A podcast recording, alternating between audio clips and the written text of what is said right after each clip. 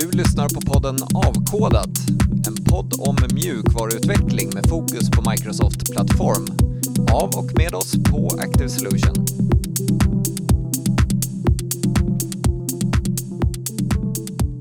Det här avsnittet av Avkodat är ett specialavsnitt som spelades in på Svetug-konferensen. Svetug-konferensen är en communitykonferens, alltså anordnad av communitymedlemmar som hålls i början på året och det här är faktiskt sjätte året som den här har hållits. Så den har kontinuerligt vuxit och eh, drar idag till sig extremt många bra internationella och svenska talare eh, och en publik som stadigt har växt. Så en fantastiskt bra konferens som rekommenderas om du är intresserad utav det senaste inom .NET eller man kan säga Microsoft-utveckling generellt. Och jag tog chansen att prata med Tess Ferrandes Norlander. Tess är utvecklare på Microsoft och jobbar med AI och machine learning-projekt. Vi pratade lite grann om att föra in bättre engineering practices i just machine learning och AI-projekt och lite grann utmaningarna kring det. Jag träffade också Martin Björkström som är en finsk utvecklare som var på Svetug för att berätta om gRPC som är en teknik för att eh, mer effektivt göra remote procedure calls. En teknik som har funnits ett tag men som nu börjar bli mer och mer populär eh, och som det finns stöd för i fulla .NET-ramverket och .NET Core. Så vill du hoppa direkt till samtalet med Martin så spolar du fram till 1852. Annars häng kvar och lyssna på samtalet med Tess. Eh, så, jag sitter här med Tess Ferrandes. Tjenare! Tjenare! Det är superkul. Jag bara dök på dig här på mm. Svetug-konferensen. Ja, som vi brukar. dig. Men du ska ju hålla en session idag, mm. lite senare i eftermiddag. Absolut, om eh, C-sharp till Python och mm. min post traumatic stress disorder. liksom, right. Hur jag tog mig dit och tillbaks till någon typ av engineering friendly Python. Mm. Jag, kan man säga. jag tänkte börja med, det finns ju en anledning till att du har börjat kolla på Python och jobbat väldigt mycket med det mm. senaste åren. Ja, jag jobbar med Python. I, Python har varit mitt första språk i fyra år nu. Oj! Det är ganska länge. Wow. Vi börjar bli gamla. Men hur kom det sig? Uh, ja, för att jag började med machine learning i den vevan. och för machine learning finns det nästan bara ett språk, eller det finns R. Mm. Uh, men R är bara för konstigt så då får man gå på Python som är ändå det mer programmeringsliknande språket skulle jag säga. Just det, men det var ändå så att Microsoft promotade väl nästan R mer än, än Python eh, från början? Det kan de nog ha gjort. Men R är ju R är också naturligtvis ett programmeringsspråk men det är väldigt mycket mer matematiskt. Okay. Eh, och jag gillar matte men det är fortfarande lite grann så här så att man har ju kodat i C och C-sharp i många år så att det blir liksom lite ändå för eh, konstigt att gå över till ett matematiskt språk. Just det. För visst är det så att du din roll på Microsoft är sån att du är ute och hjälper kunder med, ja, med projekt helt mm. enkelt. Ja, man kan säga att eh, det är nästan lite som att vara konsult. Ja. När det egentligen så är ganska mycket konsult. Um, men just på machine learning, specifikt Azure. Mm. Um, så jag håller på med ganska mycket video action detection. Mm. Um, eller image processing och sådana grejer i machine learning. Mm. Så dels skapar modeller som är Python. Eh, och sen bygger liksom, just nu håller jag på med ett DevOps-projekt. Där vi faktiskt försöker så mycket som möjligt att köra C-sharp. För att mm. Python är ganska långsamt. Mm. Um, det är bra för att skriva modeller och så men det är ganska långsamt att exekvera. Så vi kör ganska mycket C-sharp och Azure Functions och sånt. Mm. Det som vi inte behöver köra modeller. Mm. Um, men använder ni då ML-stödet uh, som finns för för .NET? Ja, så vi... Nej, vi använder typ inte ML.NET. Men vi, det vi använder är, vi bygger upp pipelines med Azure Machine Learning eh, ah, pipelines. Mm. Eh, det gör vi faktiskt i Python, men det skulle mm. vi kunna göra vilket som. Mm. Eh, vi har byggt modellerna i Python rent. Mm. Och så sen eh, gör vi det liksom runt omkring. Så mm.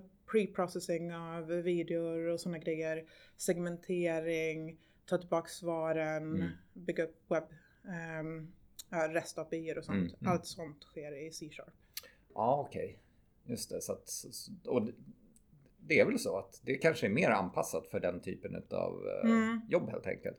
Ja, jag skulle nog säga det. Alltså man kan ju också göra så här flask mm. webb API i mm. Python men um, dels bara för att kunden i det här fallet som vi jobbar med um, är en .NET shop.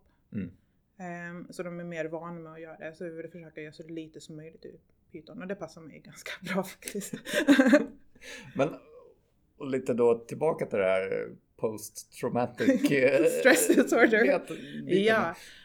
Um, så för mig var det lite grann så här. Jag, jag bytte uh, jag var mjukvaruingenjör väldigt länge, mm. uh, längre än jag vågar säga för då tror jag om hur gammal jag är. Uh, men hela mitt liv har ju liksom gått ut lite grann på um, solid-principer, uh, test på rätt sätt um, mm. och liksom alla sådana grejer. Och så helt plötsligt kastades jag in i den här data science-världen som är helt annorlunda, som inte handlar alls om engineering utan mer om exploration och experimentation och sådana grejer. Och in i Python på samma gång. Så någonstans så blev jag liksom lite schizofren. Jag tappade alla mm. mina engineering skills och helt plötsligt så hamnade jag i ett läge där jag liksom skrev kod det jag inte ens liksom använde såhär dry. Alltså jag bara skrev samma kod om och om, och om igen. Um, många variabler. Ja men precis. Uh, och variabler utan typer och det är liksom haywire. Så Has run to. Exakt. Alltså, eh, jag drar lite grann i min presentation om, om just projektstruktur. Men jag har ju liksom så här clean dataset, clean dataset 1, clean dataset 2019. För helt plötsligt så tror jag inte att eh, det ens finns source control. Ja. Eller? Jag bygger min egen source control. Uh, liksom allting som man har lärt sig och jobbat med liksom flög bort. Och så sen var det liksom så här, så den här presentationen är tio steg för att ta mig tillbaks till engineering friendly Python. Aha.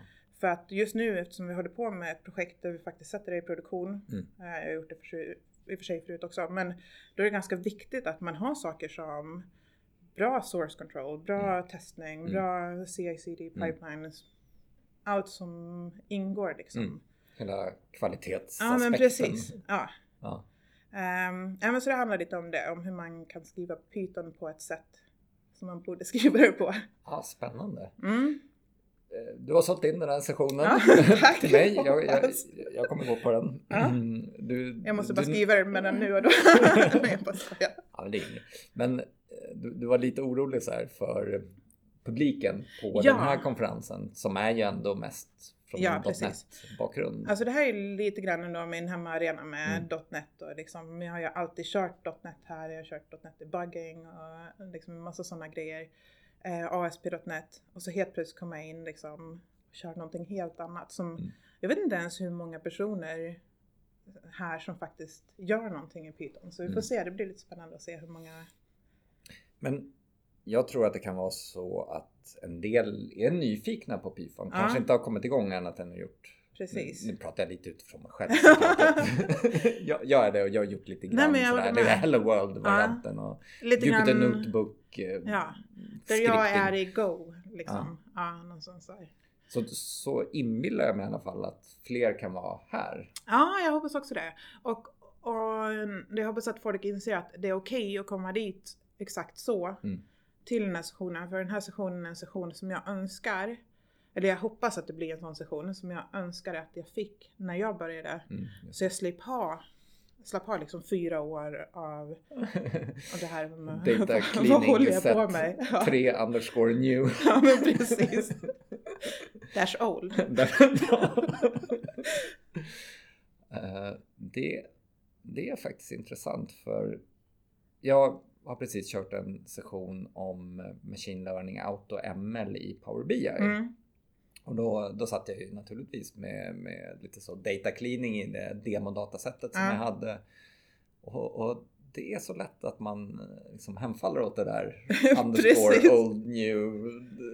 Ja. Men jag tror att det är bara för att det inte är en iterativ process. Mm.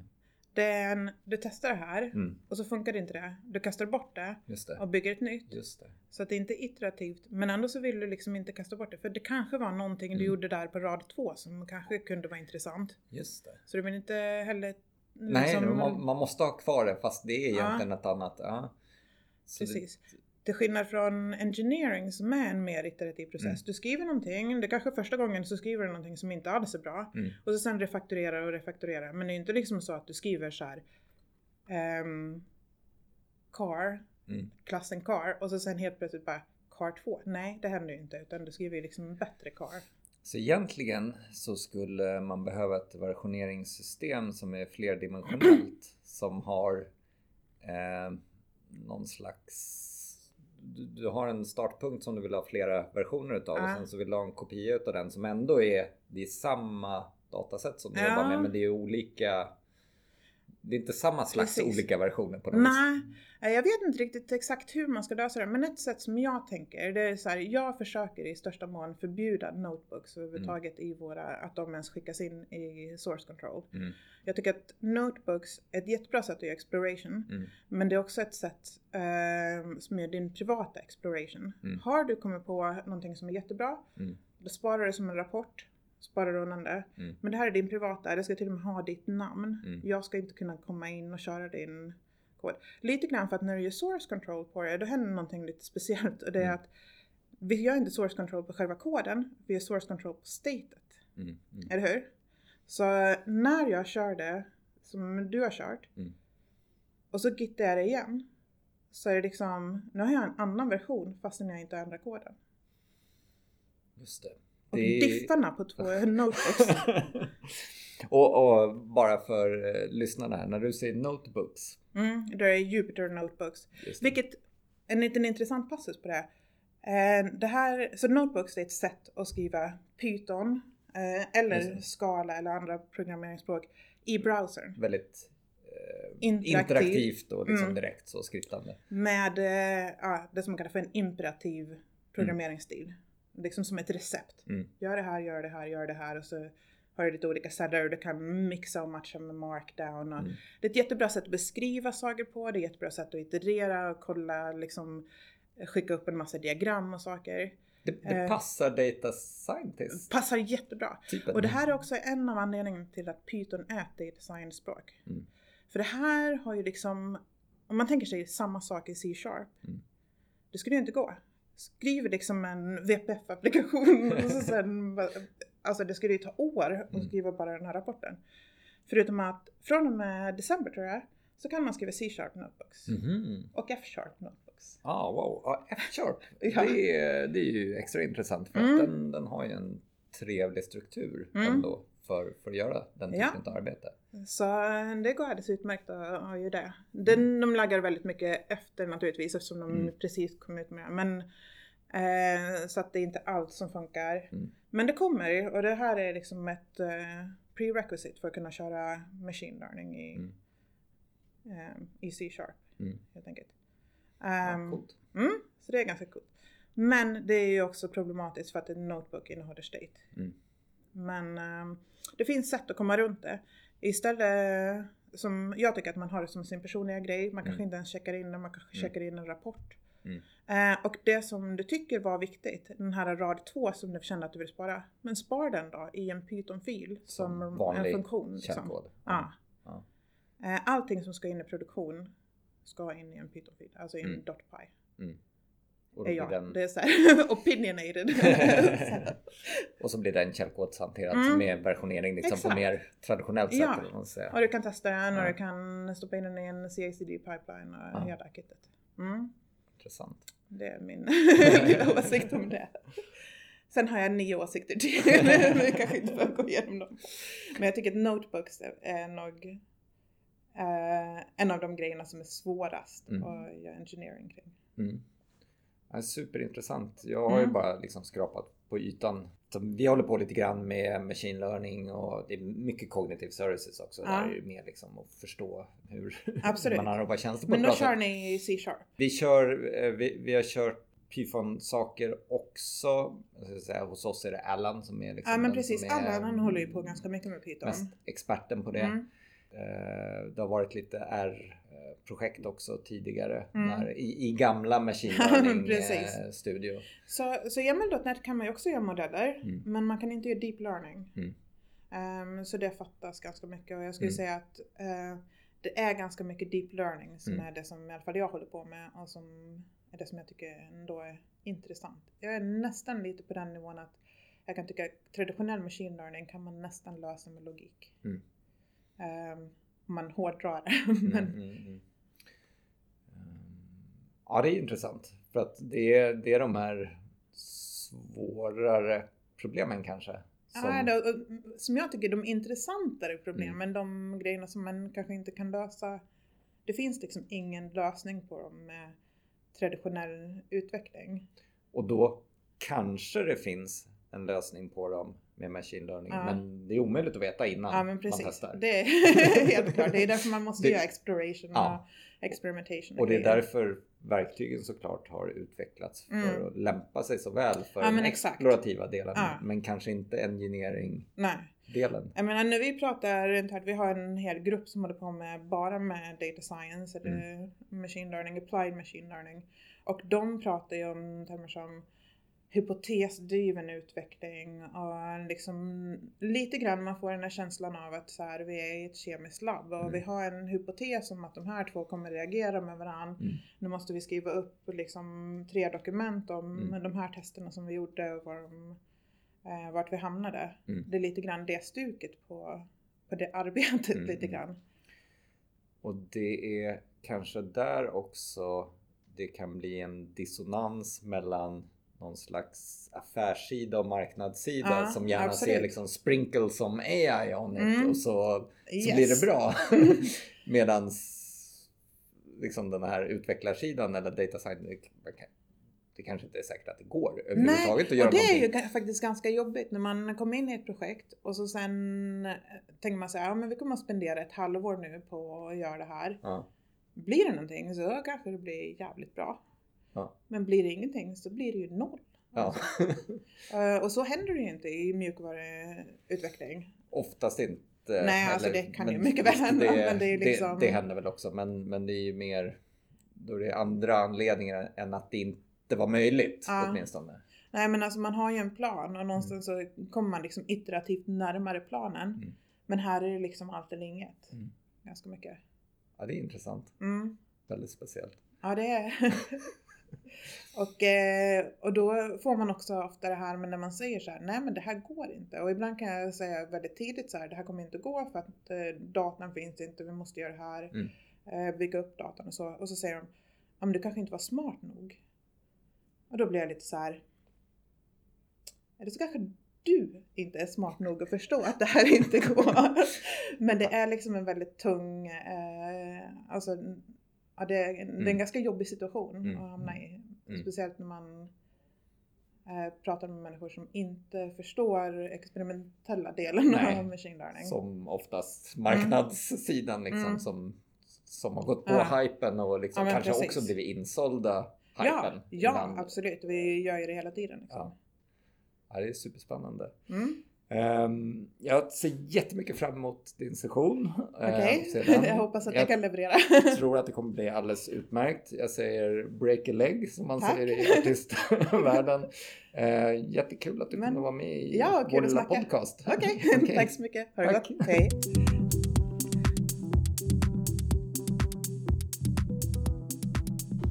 Så, välkommen till Avkodat podcasten. Mm, Martin. Tack. tack trevligt att ha dig här. Eller rättare sagt, vi är ju här på Svetug. Mm. Eh, ja. Och eh, jag såg din session igår som var väldigt bra. Som handlade, handlade om GRPC. Vi kan ju återkomma till det, men jag tänkte först lite grann om dig. Vem är du? Ja, jag är då Martin Björkström eh, från Finland. Och jag jobbar dagtid som frilanskonsult och sen kvällstid och jobbar ganska mycket i open source-communityn just i, inom .NET. Är bland annat aktiv i, i Cake-projektet och mm. också Omnichart-projektet. Så Cake kanske ni känner igen det här mm. bildorkestreringsverktyget som gör att du kan skapa, skapa byggskript då i, i C-sharp till exempel då, och det går att, att köra lokalt och stödjer många olika C-plattformar som. Azure DevOps och, och, och så vidare. Och sen OmniSharp ifall det inte är bekant så det är egentligen det som den motorn bakom det som gör att du får uh, intelligens för C-sharp till exempel i Visual Studio Code eller i Vim eller mm. Sublime Text eller vad som helst. Så det, den backenden där som sköter om, sköter om det så där, där är jag också försöker vara lite aktiv. Spännande. Det låter som att det blir inte så jättemycket utrymme för massvis med fritid. Nej, no, det, det, är lite hur man sätter upp dagarna men, men alltid är det familj, familjen först och sen, sen jobbet och sen, sen fritiden. Men det beror på lite vilken tid på året så har man lite mera tid och mm. mellanåt lite mindre tid. Så. Det, låter som en vettig prioriteringsordning. ja, ja, ja, så är det. Family first. Sen.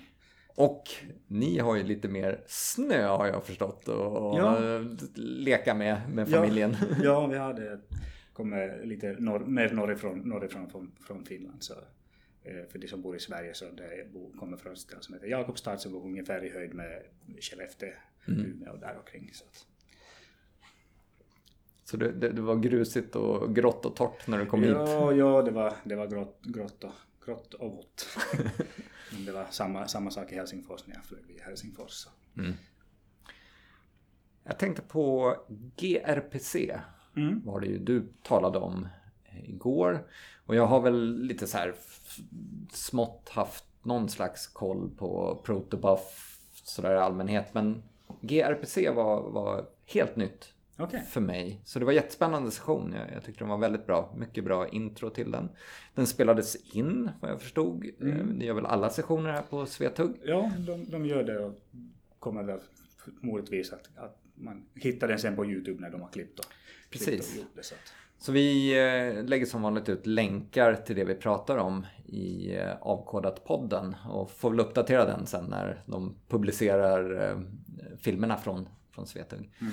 Men kan du berätta lite grann om GRPC? Vad, vad löser det för problem egentligen? Ja, vad använder man det till? Ja, GRPC, det som, som namnet säger, så det är ju egentligen då ett, ett RPC-ramverk, ett ramverk för, för, för RPC-kommunikation, alltså kommunikation mellan, mellan olika services. Idag så pratar vi mycket om microservices och sånt och det här då är ett sätt att kommunicera mellan microservices. Till exempel messaging är ju också ett väldigt bra koncept att använda om ifall du ifall du kan leva med det här eventual consistency-grejen, mm. att allting behöver inte ske, ske direkt. Att, men då RPC-modellen är ju mer så att du, när du begär någonting så får du ett respons tillbaka direkt. Mm. Och vad ska vi säga, det fanns en annan session också igår som hette som hette no, Communicating within microservices eller mm. sånt. Och där också hon, hon som drog den sessionen så hon berättade just om det här ett vanligt antipattern som många gör när de börjar med microservices. Att de använder just de Eh, själva servicen då är en, till exempel en ASP.NET Core-applikation och sen mm. så kommunicerar du mellan det här med hjälp av HTTP-klienter. Då. Mm. Och HTTP kanske nu inte är det bästa att använda just för kommunicering mellan, mellan olika services. Mm. Services det är textbaserat protokoll och, så, och så vidare och skicka JSON payloader och sånt. Mm. Så det, det är inte, in, vad ska vi säga, performance-wise mm. inte in så bra, bra Eh, så då istället så, det som de använt eh, det här GRPC då, det är ett eh, projekt som härstammar från, från Google. Mm. Det bygger egentligen på ett, på ett ramverk som de hade i Google då, som de kört internt jättelänge. Mm. Det kallades Stubby ifall jag minns rätt.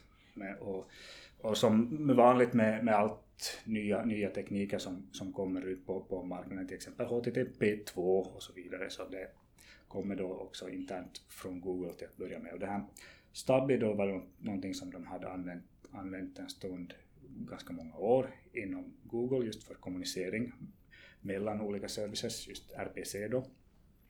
Men sen då eh, efter att det här HTTP2 började bli publikt och så vidare så ville de då ta och eh, standardisera det här deras RPC-framework mm. och drog det då till det här Cloud Native Uh, Computing Foundation och så vidare. Och sen så, då föddes, föddes det här GRPC-projektet som då lite bygger på det. Och jag nämnde HTTP2 tidigare så att just gRPC det just för att få det, få det per, performance, hur säger man på svenska? Ja, ja. Prestandaoptimerat. Prestanda, prestanda, ja, så bättre prestanda just att köra, köra uh, HTTP2 i botten. Så det bygger på HTTP2, mm. gRPC, så det använder det som transport. Då. Och, så gRPC då, som sagt, ett RPC-ramverk bygger på HTTP2 för kommunicering mellan, mellan microservices. Mm. Så egentligen, egentligen så, det, så det föddes, vad jag, vad jag har förstått. Ja. Så, men den i sig är, det är inte en, är det en någon slags standard eller mer? Det bygger på ja, HTTP2-standarden ja, men det är i sig inte standardiserat Nej, det, helt. gRPC är ju, de förstås det är ju standardiserat, det är ju en speci specifikation förstås, ja. den, den är ju standardiserad och, och eller som så att de har ju en öppen specifikation hur gRPC mm. fungerar. Så finns det ju då en massa implementationer, då en massa mm. olika programmeringsspråk. Själva trans transporten just det är ganska tajt kopplad med HTTP2, att det mm. måste köra på HTTP2. Och äh, ja, så på det, på det sättet. Och du, som du nämnde, du nämnde ju tidigare också det här protocol buffers, det. det. var bekant. Och just ja. det, äh, gRPC i, i, i, sig är inte, har in, ingen uh, dependency på, på protocol buffers, men att använda det som serialiseringsformat, alltså det som mm. blir, blir sänd, blir sänd på, på on, on, the wire så att säga, mm. mellan, mellan services, men det är det som det används default. Men du kan till exempel, ifall du vill ha gRPC-services och prata JSON eller mm. använda till exempel flat buffers eller mm. annat, annat, andra varianter. Det är men, inte så stor skillnad vad du serialiserar till och skickar över. Precis, men som jag har förstått en, en fördel med protobuf är ju att det är väldigt effektivt. Oh, väldigt, ja, väldigt effektivt. Prestandaoptimerat. Ja, ja prestandaoptimerat eftersom det serialiseras då till binärt format mm. och väldigt, väldigt kompakt packat också. Så att mm. det som du serialiserar med protobuf blir alltid betydligt mindre än till exempel någonting som blir serialiserat med JSON. Mm. Ehm, men är det någonting med mjukvaruutveckling som jag har lärt mig så är det att det är alltid trade-offs mellan saker och ting. Vad, vad skulle trade-offen kunna vara med att använda eh, protobuf, alltså binärformat när man skickar det jämfört med JSON? Nå, till exempel uh, att JSON det är ju klartext. Väldigt, ja. väldigt enkelt bara att ta, ta meddelandet mm. och så ser du direkt, direkt på meddelandet vad, vad det innehåller. Men har du då till exempel det här uh, meddelandet då serialiserat med, med protobuf så då blir det binärt och mm. protobuf i, i sig är inte heller self-describing, alltså som JSON är. I JSON så ser du direkt, du behöver inget, inget, egentligen inget schema för att deserialisera ett JSON, utan du kan deserialisera det direkt. Men, men i, i Protobuf så behöver du ha det här ursprungliga schemat som användes då för att serialisera meddelandet för att också kunna deserialisera det mm. till något, till något uh, vettigt. Och det är ordningen på fält till Ordningen exempel, på fälten till exempel. Ja, är väldigt ja, viktig. Och ja. det är väl det som gör att det kan vara snabbt också antar jag? Ja, det är det som gör att det kan vara snabbt. Du behöver ju inte till exempel säga att det här fältet heter, mm. heter namn eller det här mm. fältet heter år och så vidare. Att det, bara ger, det, egentligen när det serialiseras så är det bara fältnumren eller mm. ordningen på hur, hur det blir serialiserat. Mm. Och det är också viktigt just att tänka på när man, när man bygger bygger så här, eller använder protocol buffers just för kommunicering mellan att man just versionshanterar det på ett vettigt sätt så att mm. det är både bakåtkompatibelt och framåtkompatibelt mm. så att man, man, inte... Man inte det är jobbigt med breaking changes där. Ja, ja man, man får inte breaka det utan man återanvänder inte till exempel fält, fältnummer, fältnumren utan man alltid skapar nya fältnummer. Just det. Och ifall man tar bort något så reserverar man det gamla fältnumret så man aldrig återanvänder det igen. Intressant. Jag har förstått att det finns två smaker eh, utav gRPC som man kan använda sig utav om man är .NET-utvecklare. Kan man säga så? Ja, ja, ja att själva gRPC så eh, det här version 1.0 så blev releasad någon gång 2006 om jag minns rätt. Och det har funnits gRPC i själva .NET, .NET ekosystemet ända sedan början. Mm det är då egentligen då det är utvecklat av, av Google då. eller det som, som också utvecklar det här gRPC Core så att säga. Vi kallar det här då för gRPC Core. Egentligen i botten så det är som det är, det är nativ implementation. Mm. Det är samma nativ kod som används till exempel för C++-implementationen mm. av gRPC, Python-implementationen av gRPC, mm. Objective-C, PHP. Egentligen de flesta som kan då eh, köra interop mot helt vanliga C-binärer. Så att egentligen den gRPC Core är då nativ kod mm. med en managed, managed C-sharp wrapper och på det som mm. kör platform invoke, alltså p-invoke mot de här Nativa, nativa binärerna. Okej, men det borgar ju för att det är bra liksom, interoperabilitet mellan de här, även vilken olika liksom, stack man har ovanpå sen. Så, så... Ja, ja, så att det är just som, som samma nativa binärerna används då i C++ mm. implementationen och uh, Objective-C, Python mm. och C-sharp GPC Core. Men sen då uh, när de uh, Microsoft då, eller ESP.NET Core-teamet uh, skapade det här, eller började, började skapa det .NET Core 3 eller ESP.NET Core 3 mm. när, när det kom då så då började de lite kolla på att hur skulle vi kunna integrera eller integrera också gRPC i, i ESP.NET Core. Mm.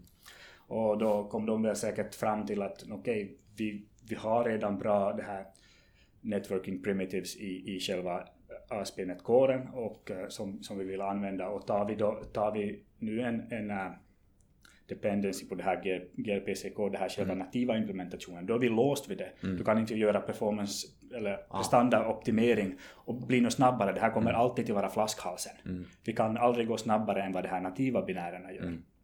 Så då istället så tog de, för de hade redan stöd för HTTP2 i ASP.NET Core, mm. så byggde de bara på det, gRPC-implementationen på det, och sen så, hade, så föddes då en ny implementation av gRPC som vi kallas för gRPC.NET eller gRPC för ASP.NET Core. Ja. Men den är då, den har då .NET Core som ett ja, absolut ja. beroende. Ja, för den, den har en dependency på NetStandard 2.1 och NetStandard 2.1 så då måste du ha .NET Core 3 Just eller det. nyare för att kunna använda NetStandard 2.1. Så kör man fulla ramverket då får man använda gRPC eh, Core? Ja, då måste du använda ja. gRPC Core. Ja. Ja. Ja, ja. Ah, intressant.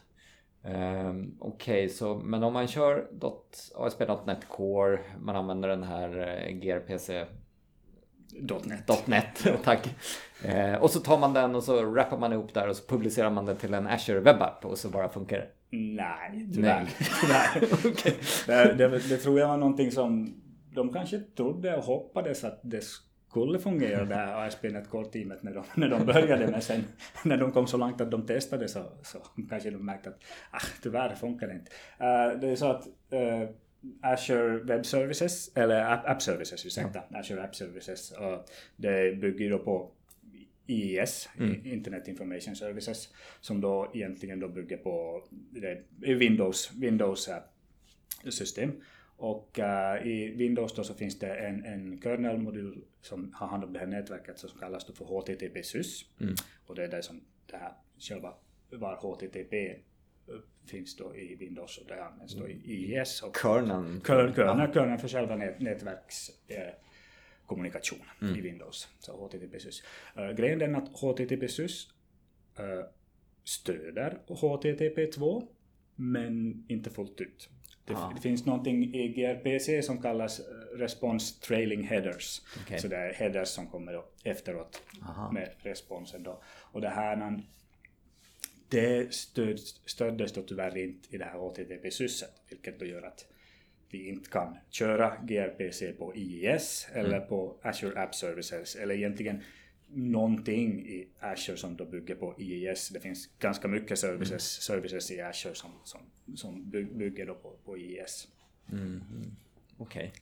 Så men eh, då kan man hosta det någon annanstans? Ja, Kubernetes, eller? Kubernetes till exempel eller Azure Container Instances. Eller du kan snurra upp en virtuell, virtuell maskin och, och hosta. Du, så länge du inte kör det på, på IS, du kan köra mm. det på Kest, direkt på Kestrel om du vill. Ah, men problemet då med Kestrel ska du inte fronta direkt, direkt ut mot internet så du behöver ju någon reverse proxy där också. Mm. Mm. Men då kan du ju inte, då igen, det finns, I Azure finns det ju då det här Application Gateway som många använder då som mm. reverse proxy. Men det då igen bygger ju också på IS. Så, då kan så du, den kan man inte ha framför? Då, då, då kan inte front, fronta med den då heller. Så då hamnar du och frontar med Nginx till exempel. Då. Ja, just det. Eh, men det kan man göra? Det kan man göra till exempel. Ja. Kör det på Azure Kubernetes Service mm. och fronta med Nginx. Mm. Mm. Intressant. Ehm, det här är ju definitivt någonting som ehm, jag tror att jag och många andra kommer börja använda i mm. framtiden. Mm. Jag har en känsla av att det här, det här borde bli stort. Mm. Ja, det tror jag blir stort och just som sagt, det har ju funnits länge nog, det här, ända sedan 2006 har det funnits mm. det här gRPC, men det var som att det kom en liten hype om hela det här när det kom, kom till det här när .NET Core 3 kom och, och just äh, när de annonserade att det kommer då stöd för, eller bättre stöd för gRPC just i mm. ASP.NET Core. För en, en sak som jag pratade om igår, eller som jag visade också igår, att hur, hur mycket bättre det här eller hur mycket mer det påminner om den här programmeringsmodellen som vi är van vid mm. med ASP.NET Core. Just att uh, det här själva gRPC där du, du får inbyggt allt dependency injection mm. och allt sånt så det pluggar väldigt bra in i den pipelinen som vi är van med, mm. van med när vi gör server, serverapplikationer i mm. .NET idag. Vilket inte det här gRPC Core då gör Nej. överhuvudtaget. Och eh, du nämnde det också som liksom en ersättare till där man kanske i den gamla .NET-världen skulle ha tänkt VCF ja. när man kommunicerar mellan tjänster. Ja. Är det en, en VCF, ypperlig kandidat? Ja, VCF är ju, är ju någonting som säkert väldigt många har, har erfarenhet av. Ja. Det var ju väldigt enkelt att komma igång med att man skapar services och sen i bakgrunden då så fick du en VSDL eller en Precis. definition och från det så kunde du då generera klienter ja. och sånt. Så jag tänker det här är en väldigt bra ersättare för det om ifall du vill gå till, till .NET Core. För mm. uh, eh, VCF i sig kommer inte att bli stöd, det är helt enbart Windows-teknologi så mm. det kommer inte att, att portas till, till .NET, .NET Core. För klientsidan finns redan mm. i .NET Core men det här server, serversida server binding så mm. portas inte till, till .NET, .NET Core. Och ska man vara ärlig så det känns som att det var SOAP Uh, Tidens ja, teknologin. ja, så, så förhoppningsvis behöver vi inte se, se mycket mer av det på en stund. Så. Men den förstås fördelen där är också att det, där kan du också, det är ju läsbart vad som, vad som går, mm. går över. Det är ju XML bara så det är mm. lätt, lätt att läsa. Men. Mm. Eh, man kan ju slå på binär serialisering där också. Ja, du kunde slå på binär, binär serialisering, ja. Det kunde, kunde du göra också förstås. Ja, är superintressant. Eh, stort tack för mm. att du ville vara med och dela med dig. Du, jag, jag, vet att du, du hade någon spännande session på gång här på Svetug nu som du ville kolla på. Vad var eh, nästa? Vi ska se. Jag tror det var en av de här som jag skulle kolla på är just det här Martin från JetBrains som kommer att visa, ah, visa hur, hur, man blir produktiv med JetBrains Rider och det här ah, gäller, gäller, också, gäller också då ReSharp, ReSharper om jag, om jag förstod mm. rätt när jag pratade med honom. Och sen, sen uh, också en som jag är väldigt intressant och intresserad av sen lite senare som heter Conducting Humane Code Reviews. Mm. Oh, det är intressant. Jag tror att vi alla kan bli, kan bli bättre, på. Verkligen. Ja, lite vad ska man säga, mjukare ämne men där, som kan upplevas hårt eller vad ska man kalla det? ja, ja, ofta, ofta känner man sig som, som en bo, bo när man ja. går, och, går och, och skriver små petiteter i, ja. i code reviews men det är ju för, för allas bäst, bästa ja, också. Men så, att, så där är också mitt tycke kanske just gällande style guide och sånt. Så vi hade, vi hade ju en presentation igår gällande här editor configs och mm. sånt, att hur man kan få det att fungera då i, i C-sharp och just gällande style guide så tycker jag det här är någonting som CI eller byggpipeline absolut själv ska sköta mm. om, så den som gör code reviews ska inte mm. behöva se till att koden följer style, guide, style guide utan det ska, automatis det ska, det, det ska automa automatiseras så att den som, den som klagar på, klagar på hur, hur, koden är skriven så eh, det ska vara, det, det ska vara automatiserat mm. så det behöver inte code-reviewern göra. Utan han, ska, han det handlar mer om designval. Ja, ja, han får, mm. han får fundera på logiken och sånt. Mm. Är det mm. vettigt? Bra. Så det, det låter intressant i alla fall. kul att du ville vara med i våran podcast. Mm, Stort tack. tack Martin. Tack för att jag fick komma. Tack. tack.